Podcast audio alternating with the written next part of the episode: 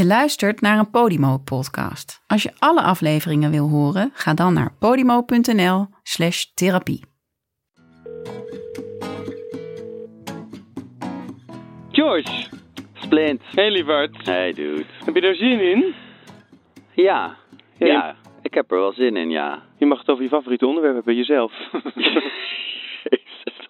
Flauw, dat hè? moet je echt niet tegen iemand gaan zeggen die worstelt met depressie. En het, stel, stel dat ik me nou net helemaal op had geladen om het over mijn donkerste, meest sombere gevoelens te hebben en jij doet dit. Denk Ja. je dat ik me dan uitgenodigd voel? Ja, ik weet niet dat je er geen strobeet in de weg legt om het over te hebben. Nee, Nee, waar. Ik- Nee, want ik bedoel, daarom doen we dit ook. En uiteindelijk vind ik het altijd, weet ik dat ik het uiteindelijk chill vind om het eh, te delen.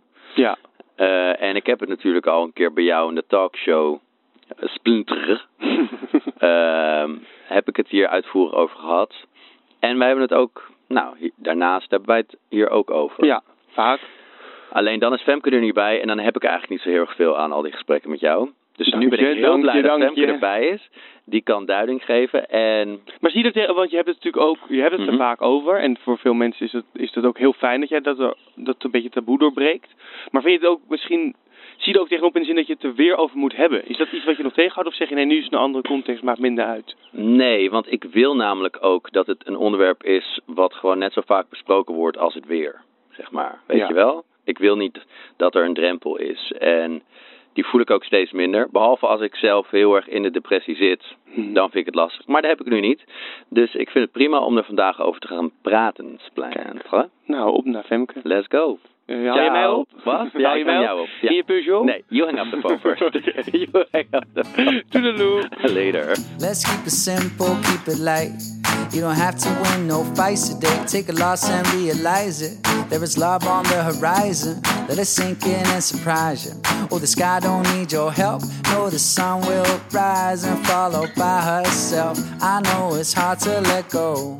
And not as good. Het is een tijdje terug dat we elkaar hebben gezien. Ja, Welkom weer. De, de afgelopen keren hebben we steeds even kort het er wel over gehad dat jij depressies kunt hebben, met name winterdepressies, Ja. zeg je zeg- steeds, hè, Joshua. En ehm, daar wil ik vandaag met jullie meer over praten. Ja. Dus daar eh, hadden we de afspraak ook voor gemaakt. Ehm, kan jij iets vertellen daarover, wat je, wanneer het begonnen is, wanneer dat voor Ja. het eerst in je leven ja, ging spelen? Ehm, nou, ik denk dat ik er wel achter ben gekomen dat het getriggerd is ehm, door het overlijden van mijn vader. Eh, in 2012 was dat. Ehm, want, nou, ik denk ongeveer een jaar daarna, of een klein jaar daarna, toen begon. Mijn vader ging ook in de winter, eh, eh, overleed hij. in december. En toen dat gebeurde, toen had, hadden wij eerst als familie het gevoel dat we er heel erg goed mee omgingen. Ja. Met z'n allen. Mijn moeder ging heel erg goed. Net iets te goed gingen met haar. Ja. En ik ook. En ik dacht, ik moet nu de, de man van dit gezin zijn. En iedereen supporten of zo. Totaal niet daarin slagen. Maar anyway, ik, ik, in, in het begin voelde ik me heel krachtig. En de zomer die daarop volgde, ja, kreeg ik iets te veel energie.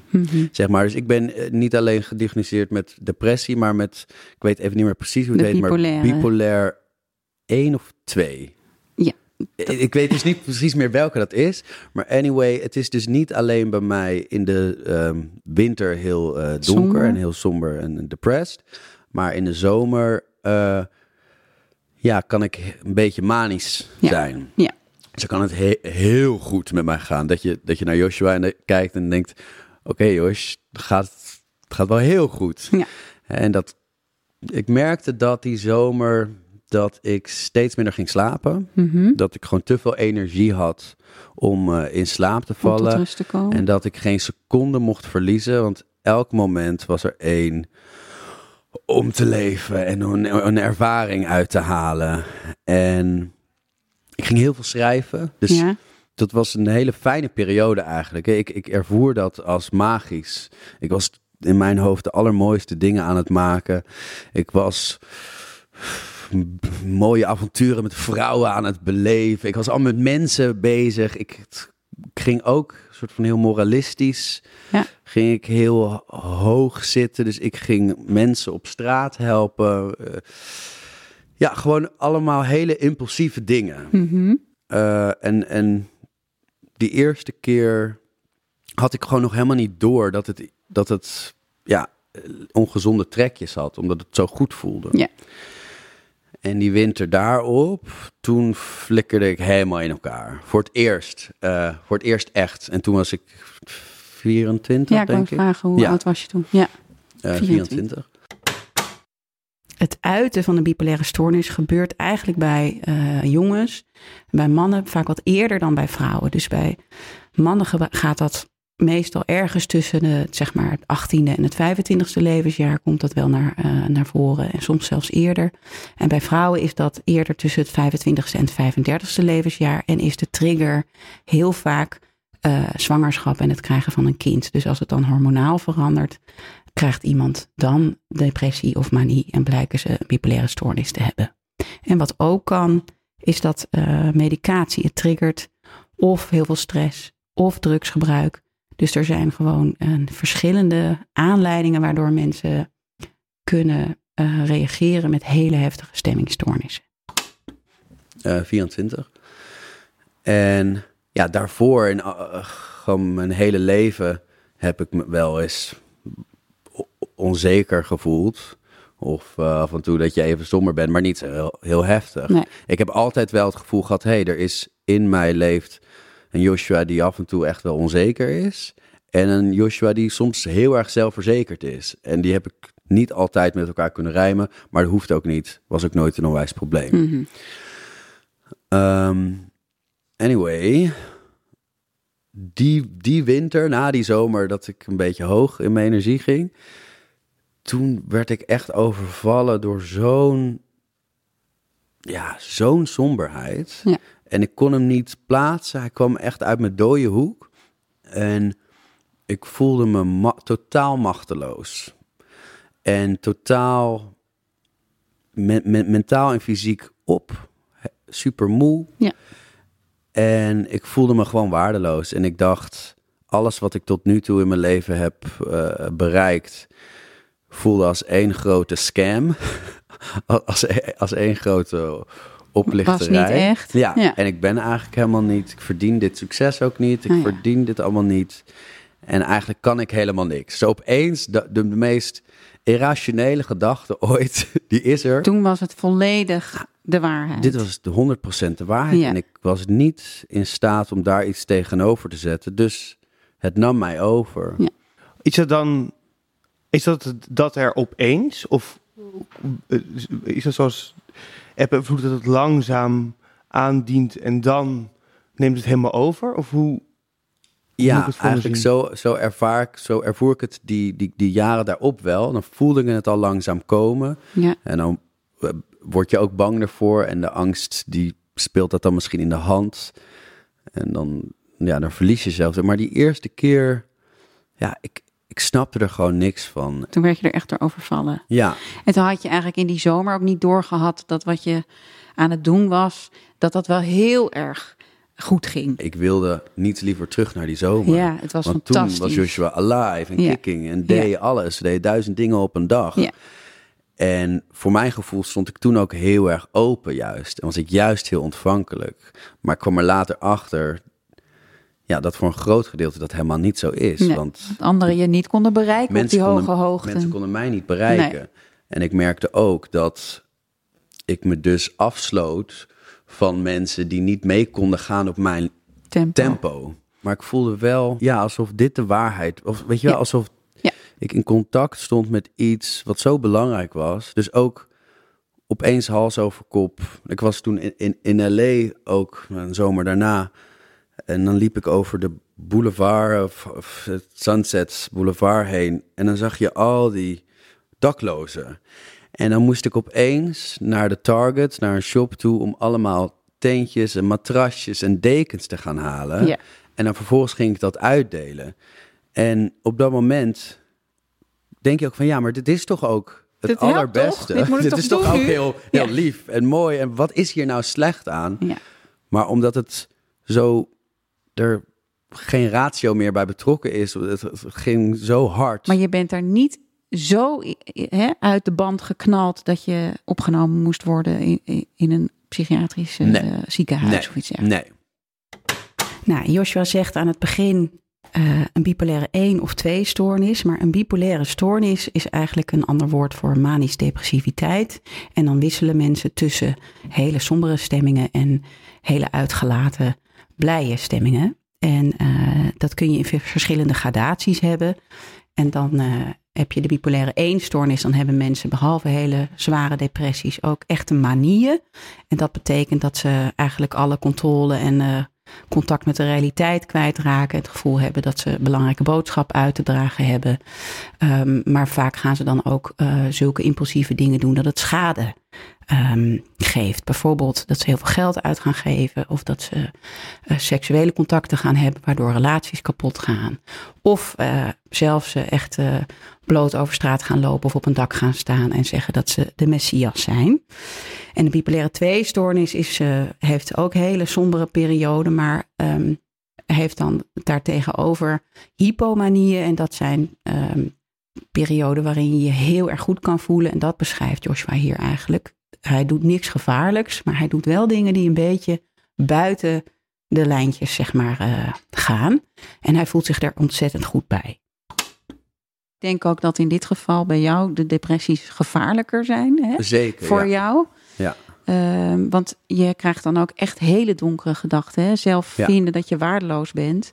En dat alles wat je gedaan hebt of doet niet van waarde is. Dat is, ja, dat is al heel verdrietig. Nee, dat is Maar heel. Is Ja. dat. ja. Maar je bent ook hè, zo somber, denk ik. dat- heb je in ieder geval ook al een keer genoemd. Dat je, dat je de, de zin van het leven kwijtraakt. En dat je ook hè, denkt dat het niet, niet meer belangrijk is dat je er bent. Ja, ja, of soms misschien dat, het, dat de Zelfs wereld wel beter af zijn. is. Of mijn omgeving. Als ik maar gewoon eh, verdwijn. Ja, En dat Ja. is natuurlijk echt heel, hè, Ja. heel risico. Het is echt ook heel naar dat het is zo niet leuk. Nee, kijk, depressies Nee, zijn echt. verschrikkelijk. Het is echt, Ja, het is gewoon...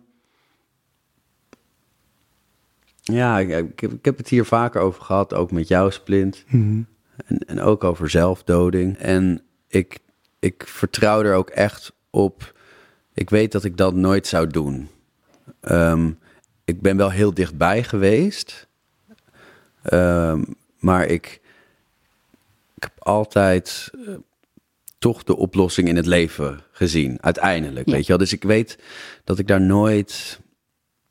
Ik ga dat nooit doen, maar gewoon de struggle van de hele tijd dat denken ja, en je daartegen moeten verzetten, ja. is gewoon zo vermoeiend. Ja. En dat legt je helemaal lam tot op het punt, ja, dat ik ook dagenlang in mijn bed bleef. Gewoon niet uit bed durfde te komen. En dat heeft dan te maken met dat totale gebrek aan nieuwsgierigheid. Dan is het ook heel lastig om de nut, om het nut of de zin van het leven ergens Ja. te voelen. Ja, het wordt ook wel eens vergeleken met een marteling. Ja. Hè, stel dat je dus een soort van keihard Ja. eh, licht en geluid aan zou zetten, wat bijna niet te verdragen is. En dat dat maar doorgaat en doorgaat en doorgaat. En dat je er geen rust van krijgt. En dat soms slapen daardoor ook gewoon helemaal niet meer lukt. En soms slapen mensen juist met een depressie meer. Dat, dat raakt helemaal uit balans. Slapen, eten. Ja, ik kan me ook zomaar voorstellen dat er mensen zijn die naar deze podcast luisteren, naar dit gesprek luisteren en misschien nu wel precies dit ervaren. ja. Wat, wat zou jij dan tegen die mensen zeggen als eerste tool die je jezelf zou kunnen geven om in ieder geval een keer uit die loop. Ja, nou, dat is een. Ja, die is die- niet ja. makkelijk. Nee, ik denk dat wat, ik, hè, wat je zou kunnen proberen, en wat bijna iedereen ook doet, is dat je toch eh, contact blijft maken. Hè, Ja. dus, dus deelt met, de, met je omgeving dat je daar zo in zit. En dat je hulp nodig hebt om er van, van een beetje van, van te worden afgeleid. Dus dat het helpt als iemand dan zegt: we gaan nu naar buiten. Ja, We gaan nu koffie drinken. We Ja. gaan nu een wandeling maken. En morgen gaan we dit of dat doen. En dat je ergens op een of andere manier probeert te vertrouwen dat het wel over kan gaan. Want Ja. als je er eenmaal in zit, lijkt het als een tunnel waar geen einde aan komt en eh, alsof het nooit gaat stoppen. ja. Maar dat, dat is wel mogelijk. Bijna altijd gaat een depressie vanzelf ook Ja. over. Maar er zijn ook allerlei dingen die we kunnen doen om het eh, draaglijker te Daar, maken. wil- daar wilde ik eigenlijk wat over vragen. Omdat ik natuurlijk ik heb jou eigenlijk, George, natuurlijk niet een, echt een winter Nee. meegemaakt nog. Je hebt me nooit zo meegemaakt Nee. zoals we nu... eh, Mhm. Nee, daarom. Maar, Nee. ik, maar ik vind het al heel moeilijk als, als jij erover vertelt. Gewoon omdat je, ja. je wilt liefst eigenlijk Ja. in iemands lichaam kruipen. Om de, dat plekje te zoeken wat die, die gedachten ontwikkelt. En Ja. het Om dat vast te pakken en dan heel te gauw naar buiten te rennen. En dan weet ik niet wat ik dan mee moet doen. Maar om het dan te verbranden of weg te gooien of zo. Want je wil gewoon iemand waar je om geeft, niet dat die dat door moet maken. En al helemaal niet in zijn eentje. Ik vraag me wel af hoe, het, hoe je dan iemand wel kan bereiken. Omdat je het ook, denk ik... Het voelt heel erg eh pusherig eigenlijk. Ja. Als je natuurlijk een berichtje stuurt van... Ja, je gaat nu gewoon wel eh, mee. Of, je, of ik heb één keer met jou gehad dat ik zei tegen je... je moet gewoon wel je telefoon even opnemen. Maar dat voelt dan heel ongemakkelijk. Omdat, Ja. je, het ook, omdat je ook niet... Je weet, hoe kun je nou die ruimte uitzoeken van... Hoeveel, mag je, hoeveel druk mag je daar leggen? Ja. En, hoe- en in hoeverre creëer juist druk... waardoor iemand Daar eigenlijk nog, nog, verder meer van naar eh, achter terugtrekt. wijkt. Ja, dat is heel lastig evenwicht. Als we een, eh, een bipolaire stoornis of een andere diagnose stellen bij iemand, dan vragen we eigenlijk altijd eh, ook partners of ouders of belangrijke anderen mee. Om ook aan hen uitleg te geven en samen te bespreken hoe je ermee om kunt gaan. En eh, wat heel belangrijk is, is dat er uitleg wordt gegeven over dat het echt een stoornis is waar iemand niet iets aan kan doen. Maar eigenlijk ook hoe belangrijk het is om de partner goede zorg te geven. En dat die, eh, hè, of de andere belangrijke mensen, dat die eh, wel voor zichzelf ook blijven zorgen. Dat ze blijven sporten, leuke dingen blijven doen, afspreken. En zich niet laten meetrekken in de, in de stemmingen van de ander. Ehm, ik denk dat dat eigenlijk altijd eh, heel erg belangrijk is. Eigenlijk bij alle dingen die we in de behandeling doen, die, die best wel veel impact hebben. Dus ook voorschrijven van medicatie vragen we vaak iemand mee die eh, meeluistert en eh, het ook begrijpt dan wat er wordt afgesproken. Nou, dus dan moet je je eigen grens daarin wel goed in de gaten houden. Dus ik denk dat het heel erg helpt als je zegt: joh, ik zie dat het niet goed met je gaat. Ik vind het belangrijk dat we elkaar wel zien. Ik kom morgen langs. En dat dan- ook echt doen. Ja. Dat zal niet altijd in dank worden afgenomen. Nee, maar dat is... maar het is Daar wel moet je soms wel doorheen. Ja, Want ik heb echt de, de momenten, ach man, dat ik zoveel weerstand voelde dat een goede vriend of eh, de band, ja. eh, die stonden dan, omdat ik met, gewoon mijn telefoon niet opnam, gewoon letterlijk al forms of communication gewoon Ja. had gekild. Ja, dan op een gegeven moment staan ze voor je deur en dat moment is verschrikkelijk. En je denkt, ga weg, alsjeblieft, ga weg. Maar dan staan ze in je huis en dan slaan ze een arm om je heen en dan zeggen ze, Josh, het is oké. ja. Gewoon dat is zo powerful. We zijn Gewoon er voor je. Dat mensen toch dat, je, je hebt dat nodig. Je hebt toch iemand nodig die jou ziet op, op je allershittiest en Ja. dan zegt, het is niet erg. Ja. We komen hier doorheen, maar we moeten blijven praten. Want dat, als je dat dus niet doet, ja, dan... Ja, dan dat verdwijn je ook dan echt in de verdwijn je tunnel. echt. Ja, Ja. als je het niet meer... Ja. Dus daar moet je soms wel doorheen prikken. Ja. Dan voel je misschien weerstand van iemand die daar echt helemaal niet op zit te wachten. Maar dan moet je toch gewoon, ja, Ja, I don't care. Ja. Ik, ik kom gewoon nu naar je huis. ja, maar niet ten koste van jezelf. Dat is eh, Ja, dat de andere kant niet. ervan. Dat gaan we later nog een keer. Eh, ja. dat moet, daar moet jij dan op letten. die neemt die depressie over. Nee, maar het gaat er Ik haal wel het om. eruit. Ja. ik ga dit oplossen voor jou. dan zitten we hier zo meteen in de andere, andere rollen weer allemaal gedraaid. Nee, maar het, wat heel erg belangrijk is, denk ik, is dat je, ehm, dat je zelf ook erg somber kan worden van iemand die zo in de put zit. En dat je dus moet zorgen dat, eh, dat is het advies aan partners, echt zorgen dat je zelf blijft sporten, afspreken met mensen die niet depressief zijn. Gewoon je werk kunt blijven doen, dat, zodat jij gezond blijft. Stel dat je met elkaar erover gaat praten dan. Moet je dan dingen gaan opnoemen die wel leuk zijn? Want ik heb ook wel eens gehoord, dat moet je juist niet doen. Want Nee. de persoon ziet Dat dat, toch helpt ook niet. Nee, daarom. Dus Nee. dat is, of moet je dan, of moet je dat, of moet je dat eigenlijk gewoon la- laten gaan zoals het ontstaat en kijken hoe het. Eigenlijk het enige wat je kan doen is proberen eh, eh, letterlijk in beweging Ja. eh, te krijgen. Dus zeggen we gaan nu naar het bos en we gaan nu wandelen. En dat kost dan ontzettend veel moeite voor degene met een depressie. En voor jou om te verdragen dat dat niet ineens leuk en gezellig is. Maar dan eh, door dat lijf aan te zetten eh, gaan vaak, gaat, ja, ga je toch wat minder in je hoofd. Dus dat is in ieder geval een van de dingen die denk ik altijd aan te raden zijn. Bewegen, is Bewegen. Ja. echt ontzettend belangrijk. Want dat, dat stopt bijna vanzelf. Bij al die naagheid en die gedachten bevriezen mensen bijna letterlijk. Een hele ernstige depressie zie je dat ook. Dat heet katatonie. Dan zijn mensen gewoon verstijfd. Dat, dat, dan, dan, dan beweegt er eigenlijk niks meer. De mimiek is weg. Ja. Hè? Je gezicht is helemaal vlak. Ja, dat, zo, zo heb ik mezelf wel eens gezien hoor. Ja. Gewoon apathisch. Gewoon, Gewoon helemaal leeg. niks meer. Ja. Zo, zo voor je Ja. uitstarend. Heftig. ja, het is echt niet cool. Nee. Nee, jij zegt net bewegen is inderdaad een hele belangrijke. Als dat je lukt, chapeau sowieso. Ja. Je bent een badass. Je bent eh, toch aan aan het eh, rennen of aan het lopen of wat je ook aan het doen bent. Dat gaat je gaat iets veranderen, maar het gaat niet in één keer alles veranderen. Je bent niet opeens voel je goed of zo, maar je, je, je voelt wel een verschil. Je wordt iets lichter. En dat is toch iets, hoe moeilijk ook, moet je op dat moment aangrijpen Ja. als winst en als, als Een fijn en soort als een strohalm wordt het dan ook. een strohalm. Het is echt een begin.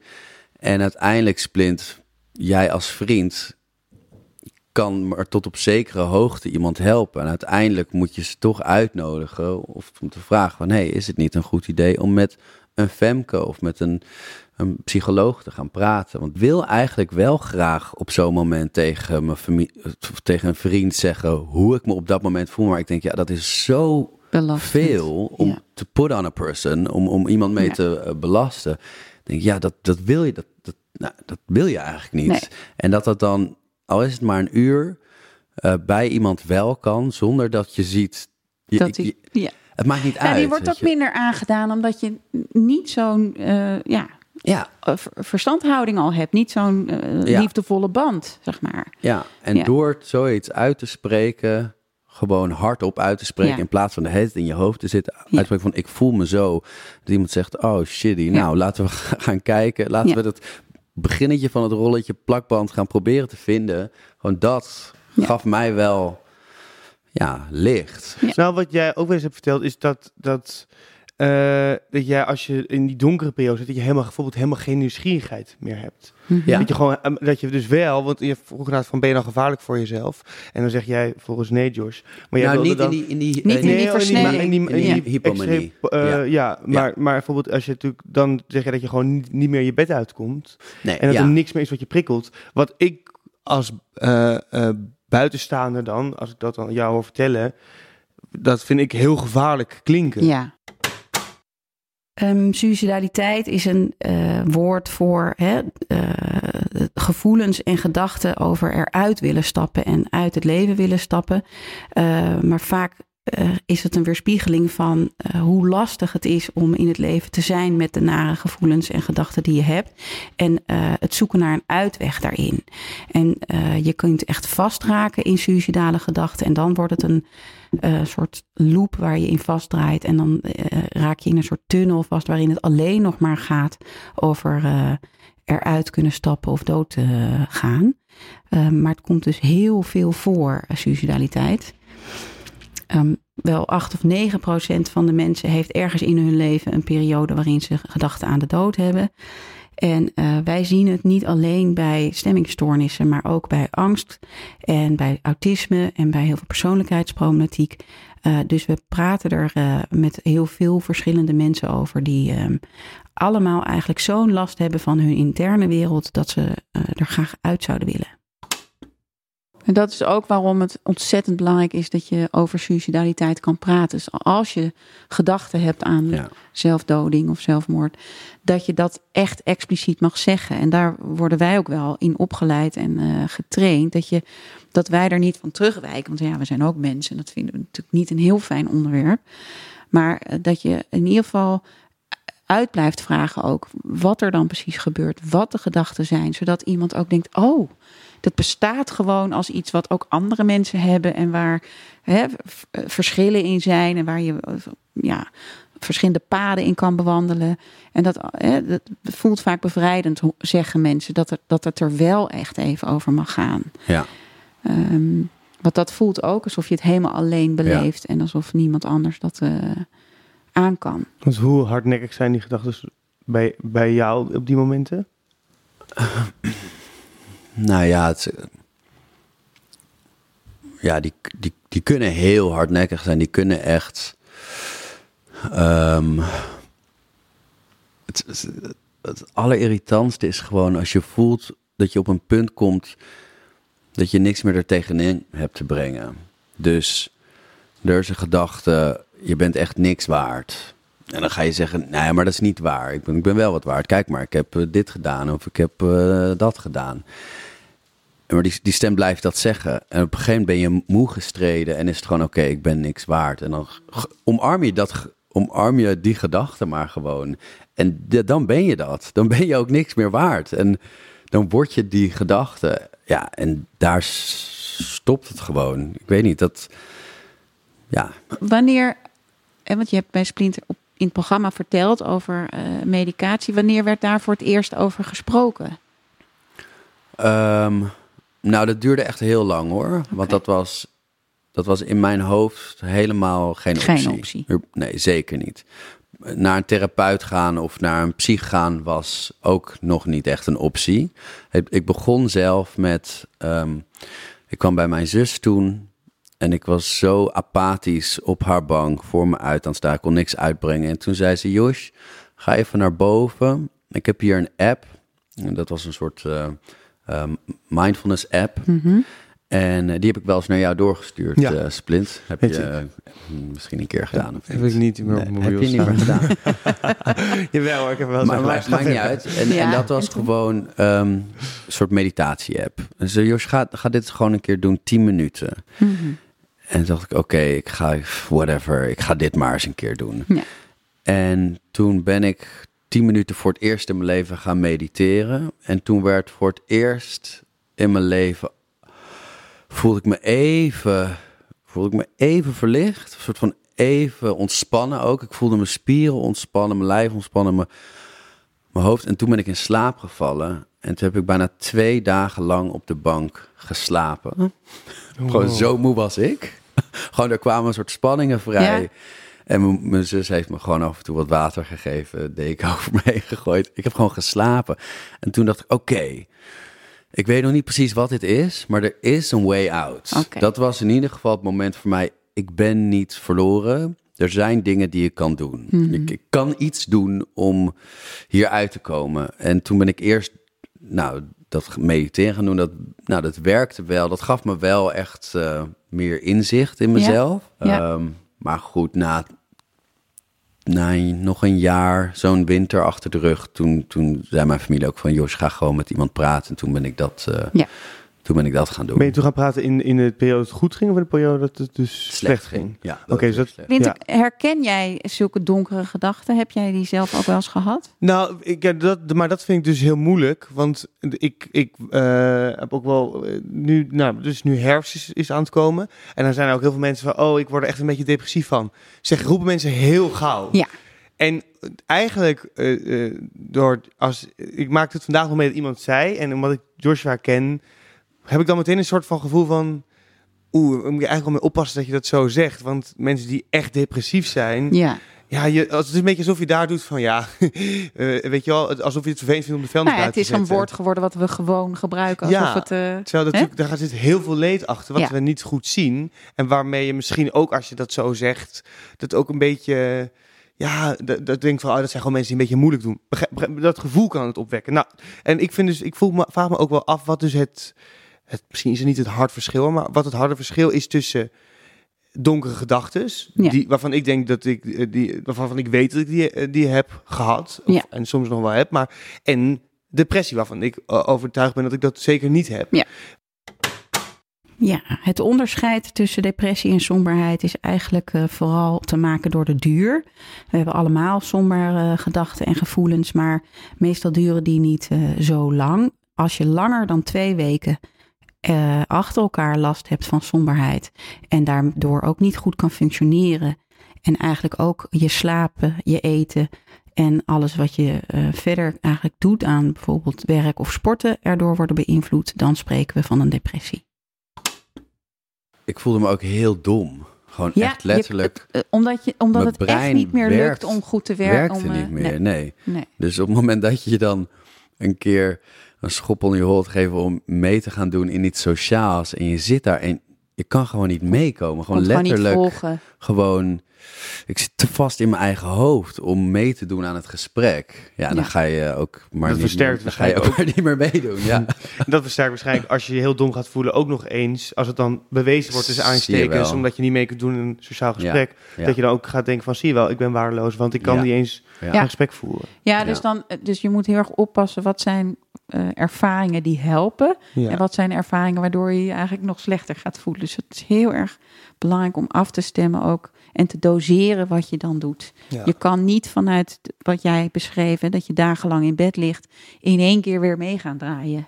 Nee. Daar zit, daar zit echt tijden tussen. Dus dan moet je echt in kleine stapjes moet je weer eh, opbouwen. En zijn er dingen dat jij zegt, ik, hè, je zei ik heb wel eens donkere gedachten, maar heb je denk je wel eens een, een sombere periode gehad? Nou, ik weet, ik, eh, eh, kijk, ik weet gewoon van mezelf dat ik nooit depressief ben geweest. Maar ik weet toen ik op de middelbare school zat, eh, toen was dat het heftigst. eh, en ik gewoon heel erg worstelde met wat ik leuk vond. Dus dat ik mijn eigen gevoel niet begreep. Dus ik Mhm. wilde dat het vriendschap was. Maar het was geen, ja, dat weet ik nu natuurlijk wel. Het was geen vriendschap, het was gewoon verliefdheid. Ja. Maar eh, dat, dat, dat, dat, en ik, maar ik wilde ook niet verliefd worden op een jongen. Want ik wilde niet eh, als jongen op jongens vallen. Omdat je dan tussen haakjes eh, eh, anders zou zijn. En eh, nou, je ziet als kind natuurlijk allerlei beelden van... eh, nou, in Rusland, weet ik wat, ik hoef natuurlijk niet alle voorbeelden nu te noemen. Maar dan zie je dat, dat niet iedereen er hetzelfde eh, luchtig over denkt. En eh, ik heb toen wel, wel gehad dat ik, dat ik bijvoorbeeld gewoon twee maanden niks meer tegen mijn ouders heb gezegd. Omdat ik vond dat zij bijvoorbeeld bepaalde dingen niet zagen die ze wel moesten zien. En ik zat gewoon opgesloten in, Ja. mijn, in mijn hoofd eigenlijk daarmee. Dus ik, ging, ik, had, ik wist niet wie, hoe ik mensen...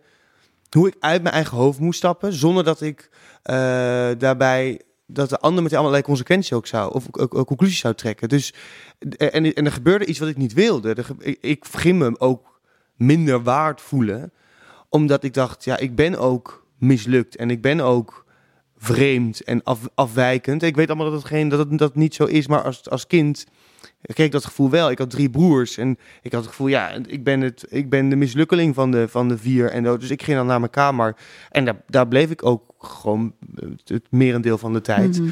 Omdat, ik, omdat ik me ook schaamde richting mijn ouders, richting mijn broers. Zo. Dus dat was voor mij wel een hele, he- dat waren wel Nou, hele dat donkere klinkt wel als een donkere periode. Dan. Ja, dat was niet twee geen- maanden. ja, Ja. en dat was en ik in die periode heb ik ook wel gewoon ge, vond ik het een hele fijn idee dat ik er zelf een eind aan kon maken, omdat eh, ik dan de regie weer Had. terug zou hebben. Dus dan hoefde ik niet mijn gevoel eh, eh, uit te zoeken. Dan hoefde ik niet antwoord te geven op Ja. wat het gevoel eigenlijk betekende. Dan hoefde Ja. ik niet mijn ouders en mijn broers onder ogen te komen dat ik mislukt was. Hoefde ik niet eh, eh, de rest van mijn leven daar eh, de, de afwijking zeg maar te zijn. En dan hoefde ik ook niet aan degene die ik leuk vond te vertellen dat ik die jongen leuk vond. Dus dat was allemaal. Dus dacht ik, dan hoef ik dat allemaal niet te doen. En dan ben ik ook weer de baas over mezelf.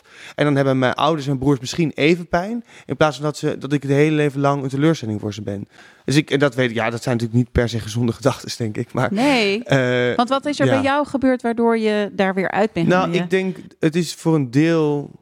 Nou, ik denk voor een deel vriendinnen, waarbij ik niet alles elke keer vertelde, maar hele kleine stukjes. Dus, Ja. die, dus daardoor, eh, wat, jij, wat Jos eigenlijk zei, is dat je dus niet gevangen moet zitten in je eigen hoofd. En dat, eh, dat het, voelde ook, als ik het dan op een gegeven moment toch iets vertelde, over die ene jongen bijvoorbeeld, Ja. dan was het alsof, er, alsof ik iets meer lucht kreeg. Alsof er, alsof er echt een beetje, mini beetje meer ruimte in je hoofd dan komt om, om, om, Ja. ja. om weer even iets los te laten. Dat je gevoel ook even eh, weg kan lekken. En ik denk dat, en dat wat gewoon ook hielp, is degene die, eh, om wie ik eigenlijk verliefd was, is dat die er heel goed mee omging. Fijn. Dus ik denk, eh, ik denk als hij daar, als hij bijvoorbeeld was gaan pesten of zo, Ja. Dan, dan denk ik dat je in een heel, dat die, die negatieve spiraal nog verder door naar beneden draait. Maar hij probeerde eigenlijk mij te laten zeggen, zeg nou maar gewoon dat je me leuk vindt. En het boeit me niet. het is oké. ja, Ja. en uiteindelijk heeft, is dat ook gebeurd. Op een gegeven moment heeft, is er ook voor gezorgd dat hij... Dat ik met, met rondom kerst heb ik aan hem ook verteld van... Nou ja, ik had een lolly naar hem gestuurd. Het is allemaal niet boeiend. Maar en toen, op een gegeven moment heb ik na drie jaar... Hij bleef het er gewoon op hameren. Ach, wat lief toen, van hem. En toen zei hij, ja, het was de, de laatste dag voor, voor, voor de kerstvakantie. Het was ook helemaal stil op het schoolplein. En toen liep ik naar hem... Ik had zijn naam al geroepen door een vriendinnetje van mij. Die zei, je moet het nu doen, anders doe je het nooit. Liep ik naar hem toe. En toen zei hij van... Zei ik tegen hem van... eh, ja, die, die, die Valentijnslolly, die was van mij. En toen reageerde hij gewoon... Hij zei toen, een beetje misschien wat jij ook zei met die arm om je schouder. Dat is natuurlijk wel een andere situatie dan als je depressief bent. Maar dat, zo, eh, hij zei volgens tegen mij van, eh, oké, en, en vind je dan ook jongens leuk? Ja. Gewoon, gewoon dus niet erin op ingaan van of het vreemd of niet, maar gewoon een vervolgvraag. Ja. Ja. En toen liepen we zo samen dat schoolplein af. En hij met zijn fiets en ik liep er gewoon naast. En ik, ik zei toen van, ja, dat weet ik niet zo goed, misschien. En toen antwoordde hij gewoon van, eh, oké, dat kan toch, dat is allemaal Ja. goed. Ja. En toen zei hij, eh, fijne kerstliefsplint. En, en toen fietste hij weg. En dat was voor mij zo Bevrijdend. bevrijdend. Ik voelde me er ook heel leeg wat daarna. Want ik, ik wilde eigenlijk huilen, maar ik wilde ook lachen. En het kon allemaal niet. Maar en het gekke is, dat was een hele lange periode dan. Of, maar dan, ik bedoel, ik functioneer natuurlijk gewoon helemaal prima voor de rest. Ja. Eh, en en, nou, mijn ouders het niet zo'n hele leuke periode hebben gevonden. Maar kijk, het gekke is dat, je, het, dat dat soms natuurlijk nog terugkomt. Want dat zit natuurlijk wel in je. Eh, dus, dus, dus eh, ik merk soms dat ik daar wel in kan zakken in die zo'n spiraal. Ja. Alleen dat is niet. ehm, eh, dat is natuurlijk geen depressiviteit. Omdat dat, ik kan me gewoon wel me dan waarloos voelen en dan gewoon huilen uitbarsten. Eh, maar dat is dan. Maar dan kan je het ook lekker. toelaten. Ja, eigenlijk goed. eigenlijk Dat- kan je ja. toelaten Ja. wat je voelt. En dan Ja. gaat het daarna ook wel weer weg. En wordt het minder. En dan ga je Ja, weer andere dingen kan, doen. kan, En dat is inderdaad het lastige van depressie. Je kan er niet goed uit. nee. En Nee. niets van wat je zelf doet of denkt, met name, eh, maakt het beter. Nou, dat was nog even teruggekomen op dat moment dat ik bij mijn zus zat en even dat die tien minuten gemediteerd had voor het eerst in mijn leven. En toen moest ik voor het eerst in een hele lange tijd moest ik ook huilen. Ja. Het was een soort release en toen ben ik bijna twee dagen gaan slapen. Dus Ja. het zegt iets over hoeveel spanning je hebt vastgehouden dat je maar niet je kan overgeven aan je gevoel eigenlijk. Ja. Je, dat zit er allemaal maar verkramping. ja, eh, een soort van verkrampt, ja. ja. En juist die release waar jij het net over hebt, ja, die is super chill. Die, die wil je gewoon af en toe. Die heb je gewoon nodig. Nou, dat is Ja. heel belangrijk als je weet dat je kwetsbaar bent om depressies te krijgen. En je krijgt ze meerdere keren in je leven. Dat je eigenlijk wel kunt leren hoe je ermee om kunt gaan. Ja. Hè, dus dat je, dat je, je, je krijgt het dan misschien niet weg. En medicijnen is een van de dingen die je kunt doen om het beter behapbaar te maken. Maar dat betekent niet dat het nooit meer terugkomt. Maar dat je dan wel weet, mediteren helpt mij. Het, het helpt heel erg om te blijven sporten of slapen. Of ik moet vooral zus doen met mijn werk en dit niet meer en dat wel. Dat je een Ja. beetje weet hoe je het moet managen. Dat is eigenlijk eh, de truc. En dat is ook de truc met, je- met, met, het, ehm, Met die hypomanie. met de hypomanie. Dat je het niet te ver moet laten gaan. Ja. En dat je, het zo, dat je het managt waardoor je kan genieten van het leuk ervan. Maar niet de connectie eh dat kwijtraakt. is heel lastig, Of, want of dan moet ik dus tegen werken. mezelf zeggen... En nu gaan we toch slapen. ga maar slapen, Jos. Terwijl alles in mijn lijf nog zegt... Ja, nee, we gaan nog echt zoveel leuke dingen doen vanavond. ja. Ja. Ja. ja, daar ga ik op een dag komen. Oei. Rust, En dan rein en leef je nog lang en regelmaat. gelukkig. Hey, dit is best een heftige sessie eh, zo, denk ik. Hoe is het? Hoe vind je het om het af te sluiten nu? Ehm, de- deze sessie vandaag. Ja, Nou, ik moet je eerlijk zeggen dat ik het eigenlijk ook wel weer fijn vond om het erover te hebben. Omdat ehm, zo vaak doe ik het ook weer niet meer, eigenlijk. Eh, sinds de antidepressiva. Eh, en het, het is toch goed om me eraan te blijven herinneren. Alleen maar al dat ik weet dat ik me ooit zo heb gevoeld. En Ja. dat dat nu niet het gevo- geval is. En dat ik daar zo, zo dankbaar voor ben. ja, want dan stel ik voor dat we de volgende keer echt ingaan op, eh, op medicijnen en hoe die kunnen ondersteunen. En ehm, ja, de meeste vragen die je daarover had, dat we die nog een keertje doornemen. En wat je nu nog wil weten. Ja. Ehm, dat, hè, dat, ik denk dat het heel waardevol is, omdat er ook toch wel heel veel verkeerde ideeën over zijn. En in de media, en met name op het internet, ontzettend veel over, eh, over geschreven wordt. eh, waar, waar wij soms wel eens heel erg hard tegenin moeten praten om mensen te overtuigen dat dat niet voor iedereen geldt. Ja, let's do that. Prima. Femke, Alright. Dankjewel. thank you. Ja, tot de volgende Split, keer. thanks for sharing, bro. Ja, dank je. Jij bedankt. Let's keep it simple, keep it light. You don't have to win no fights today. Take a loss and realize it. There is love on the horizon. Let it sink in and surprise you. Oh, the sky don't need your help. No, the sun will rise and follow by herself. I know it's hard to let go. When things are moving so Wil je meer afleveringen van Joshua en Splinter in therapie luisteren? Ga dan naar podimo.nl slash therapie en luister drie maanden gratis naar deze show en andere podcasts.